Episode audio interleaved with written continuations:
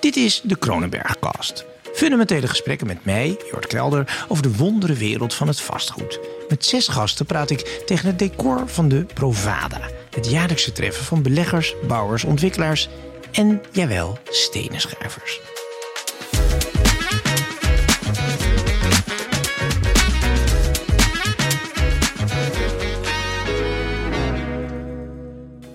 Ahoy, fijn dat je luistert naar de Kronenbergcast. Ja, fundamentele gesprek over vastgoed met uh, belangrijke figuren uit deze wereld. En, niet de minste, zijn excellentie, de minister voor Volkshuisvesting en Ruimtelijke Ordening. Zijn naam is Hugo de Jonge, geboren Bruinisse, 1977. Uh, naar school gegaan op de Ichters Hogeschool, dus een lerarenopleiding. Daarna lesgegeven, um, uiteindelijk adjunct-directeur van die school geworden. En toen overgestapt naar de publieke zaak, naar de politiek. Um, had al een tijdje als CDA-beleidsmedewerker gewerkt, werd wethouder in Rotterdam. En werd toen geroepen tot het hoge ambt, zoals we allemaal weten, als minister van Volksgezondheid in de coronatijd. En daarna in Rutte 4 overgestapt naar um, de woningbouw, naar de volkshuisvesting zoals het tegenwoordig heet. Alwaar zijn grote plan is de regie terugnemen. Um, ik ben even de uh, Kronenberg Studio ingepiept achter de plenaire zaal. Waar we zojuist nogal een, uh, een verhit debat hebben gehad met de minister tussen de vastgoedsector, commerciële mensen en de man uit de publieke sector. Die zegt: Jongens, bouw nou, bouw nou. Uh, de voorwaarden zijn zo goed, maar ja, daar hebben ze dus even geen zin in. Ik ben heel benieuwd hoe de jongen hier straks aanschuift. Want mijn indruk was: het was niet zijn allergezelligste bijeenkomst ever. Het wordt waarschijnlijk een vrij kort gesprek, een beetje een academisch kwartiertje uh, met die minister, want hij moet natuurlijk weer snel door, handjes schudden. Dus uh, ik ben benieuwd hoe ver ik met hem kom. Ik ga niet alleen maar praten over fiscaliteit en allemaal techniek van maatregelen, welk project wel, welk project niet. Ook kijken hoe hij nou, ja, hoe kijkt hij naar Nederland? Wat voor soort projecten wil hij dat er gebouwd wordt? Wat is zijn favoriete architect? Ook een beetje dromen met die jongen. En als ik het zo op de beurs hoor, dan dromen heel veel uh, vastgoedmensen van de jongen. Ik zeg niet altijd een leuke droom, soms een boze droom, maar toch. Ah, daar zou je hem hebben, hij komt binnen. Uh, de minister. Um, was wel een verhit gesprek net dat we voerden, Hugo. Dus even ja. voor de setting, voor de luisteraar. Uh, wij zaten op twee krukjes op een podium voor ons, nou, uh, 200 uh, vastgoedmensen. En op de voorste rij grote beleggers, projectontwikkelaars, investeerders. ook wel een woningbouwcorporatie. Um, ze lusten je plannen niet. Ja, ja. Nou, kijk, en voor een deel natuurlijk niet helemaal een nieuw verhaal. Uh, voor een deel eigenlijk juist een heel bekend verhaal. En een verhaal waarvan ik ook begrijp. Uh, er is gewoon zorg. Er is gewoon zorg over de situatie in de markt. Over vraag die uitblijft. Over rentes die uh, zijn gestegen. Over nieuwbouwprijzen die navenant zijn gedaald. En dat mm. maakt inderdaad dat de nieuwbouw daardoor stokt. We zitten gewoon tegen een dip aan te kijken voor volgend jaar. En iedereen is daar bezorgd over. Ik ook. Het punt is alleen dat, uh, ja, als je dan vraagt, ja, maar wat, wat zou je dan willen? Dan zouden ze eigenlijk willen dat wij stoppen met de nadruk leggen op betaalbaar bouwen. Dan zouden ze eigenlijk willen dat wij stoppen met uh, de nadruk leggen op het reguleren van de middenhuur, zodat middeninkomens nog een woning kunnen betalen. Ja, ja dat gaat gewoon niet. We willen ze alleen voor de, voor de koopwoningen en mensen met geld. Ja, en dat, gaat, en dat gaat natuurlijk niet. Hè. Maar toch waren er ook wel geluiden in de zaal van mensen die zeggen... Uh, bijvoorbeeld Leslie Bamberger, die zegt van ja, ik wil eigenlijk een soort fonds starten. Laten we een akkoord gaan met 2% rendement. Um, daarop intekenen met z'n allen. En dan gaan we, nou ja, dan gaan we voor de langere termijn. Nou, ik vind dat, dat vind ik heel erg belangrijk. Kijk, um, wat, wat we nodig hebben, juist in deze tijd, dat zijn ondernemers met een groot maatschappelijk verantwoordelijkheidsgevoel. Uh, die inderdaad voor de langere termijn erin zitten. En die ook snappen dat je een maatschappelijke functie hebt. Dat, dat als je op dit moment hebben we een woningtekort van 300.000. Dat betekent dus dat we heel veel mensen, iedereen kent wel iemand, ja. die echt ja, op dit moment uh, gewoon voelt dat zijn bestaanszekerheid is aangetast. Starters die niet kunnen beginnen, uh, gezinnen die eigenlijk niet aan een mm. gezin kunnen beginnen, want ja, je hebt eigenlijk geen plek om, om een kamertje en te Jij zegt alleen over rendement. En ze zijn inderdaad nogal begaan met hun eigen rendement. Ja.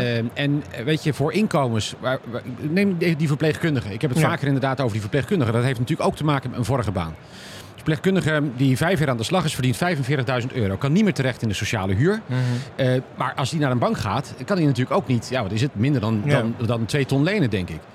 We moeten die verpleegkundigen eigenlijk op het netvlies hebben. Als je je afvraagt, doen we eigenlijk nog wel de goede dingen. En het zijn salarissen waarvoor, waarvoor een deel van de vastgoedsector natuurlijk, ja, ja. ik bedoel, eh, misschien maar een paar dagen hoeft te werken, daar waar een verpleegkundige een hele maand hoeft te werken.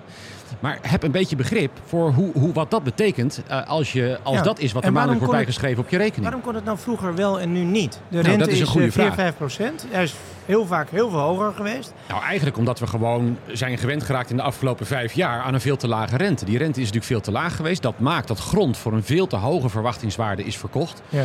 Grond is ook vaak een te hoge inbrengwaarde voor grond is vaak een showstopper ook in gebiedsontwikkeling. Ja, en ik vind dat er te veel door deze ondernemers naar de overheid wordt gekeken om Mhm. dat voor ze op te lossen. De meeste grondeigenaren zijn private grondeigenaren. Dat betekent ook dat je zelf ook kunt afboeken. Ja. Je hebt gewoon de grond te duur gekocht. Eh, dus afboeken, want anders is zo'n project inderdaad Maar niet mogelijk te Eigenlijk maken. vraag jij aan ze, hou je een beetje in, maak misschien zelfs even verlies, maar op de lange termijn komt het altijd goed. Mm, het- eh, Op de lange termijn komt het sowieso Is dat altijd echt goed. waar met ja, vastgoed? Kijk, even, zo? ja, kijk naar vastgoed in Nederland. Eh, Vastgoed in Amsterdam. Vastgoed Ja. in Amsterdam sinds 2002. Ik heb het natuurlijk even nagerekend extreem, hè? voordat ik hier kwam. Ja, maar zo extreem is dat ook weer. Kijk, 5% per jaar hè, Ja. erbovenop. En zou je zeggen, ja, maar de inflatie is ook behoorlijk geweest. Als je het corrigeert voor inflatie, is eh, sinds de eeuwwisseling is het vastgoed, al het vastgoed, met 80% in waarde gestegen. Dat is de waardeontwikkeling die iedereen die vastgoed heeft, heeft doorgemaakt. Daar hoor je de mensen vandaag niet zo heel erg Nee. over. Nee. Kijk naar wat er, wat er is betaald aan belasting eh, over huurinkomsten Mhm. in de afgelopen jaren. eh, voor box 3 beleggers. Nou, nul. Ja. Daar hoor je de mensen vandaag niet zo heel erg over. Wel over de aanpassing van de fiscaliteit. En nou snap ik wel overigens. Die overdrachtsbelasting van 10,4 is niet handig, Weet hè? je, die stapeling, die stapeling van fiscale maatregelen Ja. en, en, en de regulering, daar moeten we iets aan doen. Daar ben ik ook met Marnix Jij- eh, hij- van Marnix van Rij komt in september met een pakket. Dat gaat gewoon omlaag. Nou, ik, ja, en ik ga niet vooruitlopen op hoe dat eruit ziet. Maar waarin we in ieder geval iets willen doen aan die stapeling. Want ik denk dat dat Mhm. een terechte klacht is vanuit de markt. Maar ik vraag marktpartijen ook echt, en ik wil ze ook echt aanspreken op hun Ja. maatschappelijke verantwoordelijkheid. Iedereen heeft die. Eh, het, het zijn ook jouw verpleegkundigen die Ja. aan jouw ziekenhuisbed staan. Het zijn ook de leraren die bij jouw kinderen voor de Ja. klas staan. En, en ja, eh, je het is kan- ook de je agent die jouw wijk veilig houdt. hoor- Zorg voor je mensen zegt. dat ze Jij kunnen doet wonen. een beroep op die mensen, op hun sociale gevoel, op hun hart. Maar ja, velen zijn ook gewoon financiële investeerders. Die zijn pensioenen aan het beleggen. En die zeggen, ja, dat kan Hugo allemaal wel willen. Dat is een leuke smeekbede. Maar ik kijk gewoon naar een spreadsheet. En dat is waar mijn pensioengerechtigden ook naar kijken. Die willen geïndexeerd worden. Ja, Ik, vind- ik vind echt Dat dat, je wel van ondernemers van die markt meer mag hè? vragen dan alleen Ja. naar een spreadsheet kijken. Ik vind wel dat eh, wij ook, hè, eh, de Rijksoverheid ook, met ondernemers mee mag kijken op Ja. hun spreadsheet of het allemaal nog uit kan. Nou ja, het kan Dus- vaak niet uit, Hugo. Mm, Ja, maar er dat, staan echt minnen nu, hè? Mm, er, staan soms, opnieuw er staan soms minder, maar dat heeft soms ook echt te maken met de programmering. Dus welke woningen ben je dan aan het bouwen? Als je woningen bouwt die mensen niet meer kunnen betalen, ja, dan worden woningen niet verkocht. En dan, dan ga je al vrij snel ga je inderdaad eh, de min in. Maar als je kijkt naar de regulering van de middenhuur bijvoorbeeld, hè, dat is overigens een, er wordt een heel groot verhaal over verteld. Dat is natuurlijk maar een deel van de markt eh, dat daar op dit moment door geremd wordt. De belangrijkste rem op dit moment is echt eh, de, de, de, de rentes. Maar kijk even naar die regulering van de middenhuur. Die doen wij nou juist op zo'n manier dat het nog uit kan. Hè? Dus Mhm. dat het investeren nog uit kan. Dat vind ik zelf ook een belangrijke toetssteen. Ja. Dus je wilt huurders beschermen tegen te hoge huurprijzen. Maar je helpt huurders ook als er voldoende wordt gebouwd. En dus moet er gebouwd kunnen blijven worden. Er moeten van die 900.000 woningen 100.000 middenhuurwoningen Mhm. worden gerealiseerd. Waarvan de helft door marktpartijen. Ja, en dat moet uit kunnen. Dus zo zijn we ook Ja. de sommen aan het maken. Heb je soms niet het idee dat we het probleem misschien ook te groot maken? Ik, er is niemand die onder de brug slaapt in Nederland. Dat klopt, dat klopt. Maar er zijn heel veel jongeren die bij hun ouders blijven wonen. Er zijn heel veel jongeren die na de studententijd weer terug bij hun ouders gaan wonen. Maar heeft iedereen recht op een eigen woning? Nou ja, ik vind wel. eh, dit En ook een- alleen, Een grond. Nou, kijk, dat, dat is natuurlijk een ander probleem. De bevolking groeit snel, maar het aantal huishoudens groeit nog sneller. En Ja. dat heeft alles te maken. eh, met, eh, met, met dat we inderdaad ja, toch individualistischer worden, ook als samenleving. hè? We Ja. zijn ook zo Ja. welvarend dat we ons dat permitteren. Maar kijk, het, het, de opdracht om te voorzien in voldoende woongelegenheid, zo staat het dan in een de grondwet. Ja, dat vind ik wel een belangrijke opdracht. En ik vind eerlijk gezegd dat we die grondwettelijke opdracht met elkaar maar matig waarmaken. En er wordt nu geklaagd over dat komt door de regulering. Mijn stelling is eerder dat het komt doordat we in de afgelopen tien jaar een gebrek aan regulering hadden. Ja. Eh, er was Als geen je- regulering Als jij voor... die Stef Blok tegenkomt. Ja. Nou, ik mag Stef heel graag. Eh, en je moet het ook nooit eenmaal op één persoon richten. Nou, het was nee, een, maar dit was een ideologisch project, hè? Nou ja, de volkshuisvesting. Kennelijk... Hij heeft eh, volkshuisvesten afgeschaft, geen regie, Ja. terug naar de gemeentes. kennelijk Zoek vonden het we, uit, we zijn klaar. De deur Kennelijk dicht. vonden we Jan Pronk en zijn hele departement en zijn hele beleidsterrein Ja. zo ongelooflijk dominant. eh, dat we eh, Dat het hele ministerie en het hele departement helemaal hebben afgeschaft. Ja, ja. En zowel op volkshuisvesting als op ruimtelijke ordening lopen we op dit moment tegen tal van problemen aan.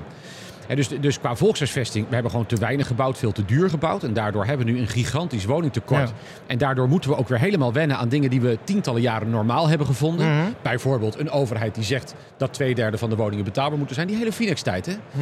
Hebben gewoon eh, eh, marktpartijen dat totaal normaal gevonden om twee Ja. derde betaalbaar te bouwen. Overigens met de rentepercentages die veel hoger waren dan die 5% van nu. Zeker. Kortom, eh, een, een, een overheid die veel meer aanwezig is in dat domein van de volkshuisvesting is goed. Dat is precies ook de manier waarop we de wederopbouw zijn doorgekomen. Dat is Ja. precies de manier waarop we de jaren 80 en de jaren 90 zijn doorgekomen. En dat is ook precies de manier waarop we deze tijd ook weer gaan doorkomen. We gaan het gewoon weer doen. We gaan weer aan Je vraagt volkshuisvesting eigenlijk doen. weg met de spreadsheets. Kom op met de geschiedenisboeken. Leer van het verleden. Ja, Kijk naar je ik ouders. vraag van, van ondernemers maatschappelijke verantwoordelijkheid Ja? inderdaad. Dat is wat we heel hard nodig hebben. Heb je zelf een droom ehm, hoe Nederland eruit zou moeten zien over 30 of 40, 50 jaar? Want ik maak, ik maak me wel eens een klein beetje zorgen als we 900.000 huizen gaan bouwen. Als je nu al, je rijdt straks terug naar je ministerie over die snelweg, je ziet de verdozing, je ziet Ja. de ja, rommelwijkjes. Het, het is er niet mooier op geworden. Ja. Nou, kijk, wat we, kijk we zijn al eh, eh, ongeveer het drukste landje van heel Europa. Eh, en wat we moeten eh, doen is zorgen dat we veel beter gaan nadenken over hoe we die hele schaarse ruimte Ja. gaan indelen. En je hebt helemaal gelijk, dat hebben we veel te weinig gedaan. Hè? Dus we zijn gestopt met volkshuisvesting, maar we zijn eigenlijk ook gewoon gestopt met ruimtelijke ordening. Ja. Dus wat ik zou willen naar de toekomst, en wij gaan op dit moment zijn we bezig een nota ruimte eh, te maken en weer een nota ruimte Mhm. inderdaad gaan maken. Dat hebben we natuurlijk jarenlang niet gehad. Na maar een- Pronk, de vierde noten hadden we toen geloof ik. ja, en Nou, de vijfde is er nooit gekomen, weet je wel. Nou, en wat wij dus nu gaan doen, is inderdaad weer een nieuwe nota ruimte maken. Waarin we al die belangrijke transities naar de toekomst toe ook inpasbaar maken. De energietransitie heeft meer ruimte nodig, niet minder. Meer mensen betekent meer ruimte, Ja. niet minder. De landbouwtransitie heeft meer ruimte nodig, niet minder. Dus alle transities waar we middenin zitten hebben meer ruimte nodig. En er komt niet meer land bij. Dus wat we moeten doen is zorgen dat we veel meer aan ja, multifunctioneel ruimtegebruik zullen gaan doen. Dat betekent alle daken hebben we nodig gewoon voor de opwek van zonne-energie bijvoorbeeld. We hebben de Noordzee hebben we nodig voor de opwek van windenergie. We zullen natuur en landbouw veel beter met elkaar in balans Mhm. moeten brengen. In de omvang, maar ook in... Maar zei je nou, we hebben meer landbouwgrond. Ik bedoel, biologische boeren hebben wat meer ruimte nodig, Nou ja, procent of 20? Ja, maar dat, dus als we zeggen we hebben meer extensieve landbouw Ja. nodig, dan heb je dus Misschien ook... gevoelig voor een CDA om te zeggen, we hebben wat minder boeren nodig. Maar, of andere boeren misschien. Nou, ik denk wel dat, er- dat inderdaad op een, op een heel deel van Nederland het Ja. huidige landgebruik, het huidige Ja. agrarisch landgebruik naar de toekomst toe niet meer mogelijk is. Dat heeft te maken met veenweidegebieden waar het water moet worden opgezet. Dat heeft soms te maken met de ring om Natura 2000 gebieden. Ja. Dus wat ik eigenlijk zeg is dat we een, een landbouw moeten hebben die duurzaam is, die ook duurzaam in balans is met, met wat de natuur Mhm. hebben kan. En ook waar landbouw en natuur veel meer hand in hand gaat. We, we, we, zijn, we komen uit een periode natuurlijk van ruimtelijke ordening waarin we al die functies heel erg gescheiden hebben Mhm. georganiseerd. Ja. En als we eerlijk zijn, we hebben zo ongelooflijk grote schaarste aan ruimte. We zullen veel meer aan functiecombinatie moeten doen. Maar het, lijkt me een moeilijke opdracht om het mooier te maken. Het is voller aan het worden. Moeten we zo vol worden? Ik denk juist, ik denk dat het mogelijk is hoor, om, Ja. het, om het mooier te maken. Ja. En Moeten we zoveel, nou, bedoel, wat we moeten doen is veel meer grip op migratie kwaliteit. zien te krijgen. Omdat we veel te hard groeien op dit moment. We zijn vorig jaar gegroeid met 227.000 mensen. Dat kunnen we gewoon niet aan. We hebben wel migratie nodig. Maar juist omdat we het nodig Hmm. hebben, moeten we er grip op organiseren. Zodat we ook het draagvlak houden. Ehm, en mooi in de zin van kwaliteit, ja. Ik denk dat er geen land ter wereld is eh, dat zo goed in staat is in een Ja. kleine ruimte aan ruimtelijke ordening te doen. Eh, wij zijn eigenlijk zijn wij wereldkampioen wereldwijd in ruimtelijke ordening. We zijn er alleen mee gestopt. Ja. En dat betekent dus inderdaad inbreiden. Dat betekent meer binnenstedelijke verdichting. Dat betekent hoger gaan bouwen. Ehm, en daar is nog heel veel ruimte. Als wij alle open vlakten Mhm. gaan, gaan opmaken aan verstedelijking. ja. Dat overigens, dat is meer een beeld dan dat we dat ook daadwerkelijk aan het doen zijn hoor. Want ik denk dat Maar 10% is bebouwd ja, in ik denk Nederland. 12, Wim, hè? 13 procent Ja. inderdaad. Precies. Dus dat valt op zich wel mee. Alleen we, we maken zo'n groei door. eh, dat moeten we echt zoveel mogelijk via binnenstedelijke verdichting doen. En daarnaast buitenstedelijk, tot en met 2030 in ieder geval wel de ruimte bieden. Om ook eh, voldoende aantallen te kunnen Ja. realiseren. Maar kijk, het gaat heel vaak over de aantallen, de fiscaliteit, het gemopper in die zaal. Ehm, dat het allemaal niet goed is en niet deugt. En dat, nou ja, dat, dat, dat er een cocktail van verkeerde maatregelen is.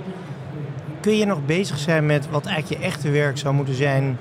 hoe wordt Nederland mooier? Ehm, eh, als je kijkt in Amsterdam, we zitten hier in Amsterdam-Zuid. Je hebt aan de randen van het plan Zuid... ehm, heb je, eh, ja, weet je, plan Berlage. Dat zijn hele grote stedenbouwkundige plannen... Prachtig, ja. die in alle architectuurboeken staan. ja. Zijn er ook dat soort dingen die je eh, Ik denk het wel. profiteert en waar je Nou, ik, woon, ik woon zelf op Rotterdam-Zuid. En, Ja. eh, en aan de noordrand van Rotterdam-Zuid, namelijk op, op Katendrecht. En Ja. bij Katendrecht heb je die hele gebiedsontwikkeling in de Rijnhaven. Ik weet zeker dat over Ik ken het, ja. ja, Ja. de Rijnhaven en wat daar staat te gebeuren Ja. eh, de komende tien jaar is zo indrukwekkend. Is kwaliteit, zo'n fantastische gebiedsontwikkeling. Zo'n indrukwekkende gebiedsontwikkeling. Bijna on-Nederlands in zijn intensiteit. Maar ook in zijn combinatie van hoogstedelijkheid Mhm. en, en binnenstedelijk groen en water. Echt heel erg bijzonder. En zo kan ik tal van eh, eh, plekken noemen in Nederland waar een geweldig bijzondere gebiedsontwikkeling aan de hand is. Wat we inderdaad moeten doen is kwaliteit toevoegen, want het blijft zo verrekte lang staan. En gelukkig maar. Hè. Dus je moet echt ook met oog op de toekomst willen bouwen. En dat maakt ook dat ik denk, ja, we moeten even door de troubles van nu heen kijken. Eh, om ook te zien waar we mee bezig zijn. Eigenlijk is volkshuisvesting is eigenlijk bouwen aan de samenleving van de toekomst. Is eigenlijk bouwen aan een samenlevingje in het klein. Want goed wonen is essentieel ook voor kindergeluk, hè? Zeker, zeker. En kijk, nog eens even op datzelfde Rotterdam-Zuid. Kijk, daar zijn natuurlijk ook wijken met 90 eh, procent sociale woningbouw of meer. Zeker, ja. Ooit werd daarvan gedacht, dat is verstandig om dat zo te doen. Mhm. Nu denk je daarvan, oei, dat betekent ook eh, uiteindelijk ook een heel eenzijdig samengestelde Ja, wijk. Zou de wijk niet veel meer Ja. hebben geprofiteerd van een veel diversere wijk. Dus wat we nu veel beter doen, denk ik, dan wat we vroeger deden, is eh, ook door doordenken van elkaar. hoe ziet die samenleving Ja. er eigenlijk van morgen uit. Hè? En zorg dat je die wijk ook gevarieerd neerzet. Ja. En nu, als je dan denkt als gewoon het ik noem Berlage, natuurlijk Plan Zuid. Heb jij een favoriet eh, stedenbouwer waarvan je zegt, die moet ik meer te doen geven? Ja, ik vind, ik vind sowieso, we hebben geweldige architecten in Nederland. Maar ik vind iemand als Winnie Maas bijvoorbeeld, vind ik zo Ja? ongelooflijk indrukwekkend. Eigenlijk alles wat hij maakt, vind ik even indrukwekkend. Heb je een favoriet gebouw? Nou, wijk eh, ja, ik vind de Valley, eh, van een van zijn Ja. laatste projecten, vind ik waanzinnig mooi. Ik, ik vond natuurlijk altijd de Markthal, vind ik nog steeds trouwens een waanzinnig mooi eh, gebouw. Maar het zijn, weet, het zijn gebouwen die zo toonaangevend zijn, Mhm. waar we inderdaad over 100 jaar nog met open mond naar staan te, staan te kijken. En, ja, en zo, hoort, zo hoort de eh, architectuur ook eh, ja, de toekomst te verbeelden. Ja. En we hebben echt ongelooflijk goede architecten in Nederland. Eigenlijk zou jij toch met het gezin ook een huis moeten laten bouwen? dat zou iedere minister moeten doen. Eh, nou, dat weet ik ook weer niet. Dat weet, ik, ik ben gelukkig in ons huisje op, op Katendrecht. Nee, dat is, dat, is echt, dat is echt prima. Maar mooi bouwen, het, het, het- ja, dat is ongelooflijk belangrijk. Dus, dus we hebben onze architecten heel erg nodig om die toekomst van Nederland te verbeelden. Geniet je ervan? Ja, ik vind het schitterend Ja? om te mogen doen. Ja, ik vind het heel mooi. Want je Om- had een ontzettend lastige klus in het vorige kabinet corona, weten we allemaal. Ja. Hoe, hoe anders is dit? Het is een hele doenerige wereld. Dus het, het is, dat, dat, overigens vond ik dat vanmorgen te weinig blijken hoor. Ja? En daarom, eh, zeg maar, eh, als Je vond de vibe te negatief. Ja, veel te negatief. Ik, weet, weet je dat ik del, ja, dat is gechargeerd. Wat ik zelfs dacht, ik heb het natuurlijk niet uitgesproken, ben ik Mm. veel te keurig en veel te beleefd voor. Maar ik dacht, jemig jongens, als dit, als dit een vibe had geweest tijdens de wederopbouw, zeg maar, dan, had, dan hadden we er nog mee bezig geweest. Hadden we nu je. nog in tenten gewoond. ik mag ja? echt van ondernemers meer ondernemerschap Ja, verwachten. dat is jouw oproep, en aan meer ze. doenerigheid en meer opgestroopte mouwen. Het moet Rotterdamser. En niet zo erg verwachten eh, dat de overheid je wel zal helpen. Ietsje minder naar de overheid kijken. En iets beter kijken wat je, zelf een voor beetje elkaar kunt huilenbalk eigenlijk, hè? nou, dat zou ik dan weer nooit zeggen. Maar Nee. ik vind wel... Kom op jongens, stroop die mouwen op en weet wat je taak is. Je hebt een geweldig mooie taak. Namelijk je kunt dingen bouwen. Je kunt die samenleving van de toekomst vormgeven. Je mag er zijn voor al die mensen die niet voor zichzelf het verschil kunnen maken... in of ze wel of geen Mm. woonruimte hebben. Maar jij kunt dat wel. Doe het dan. Amen. Dank.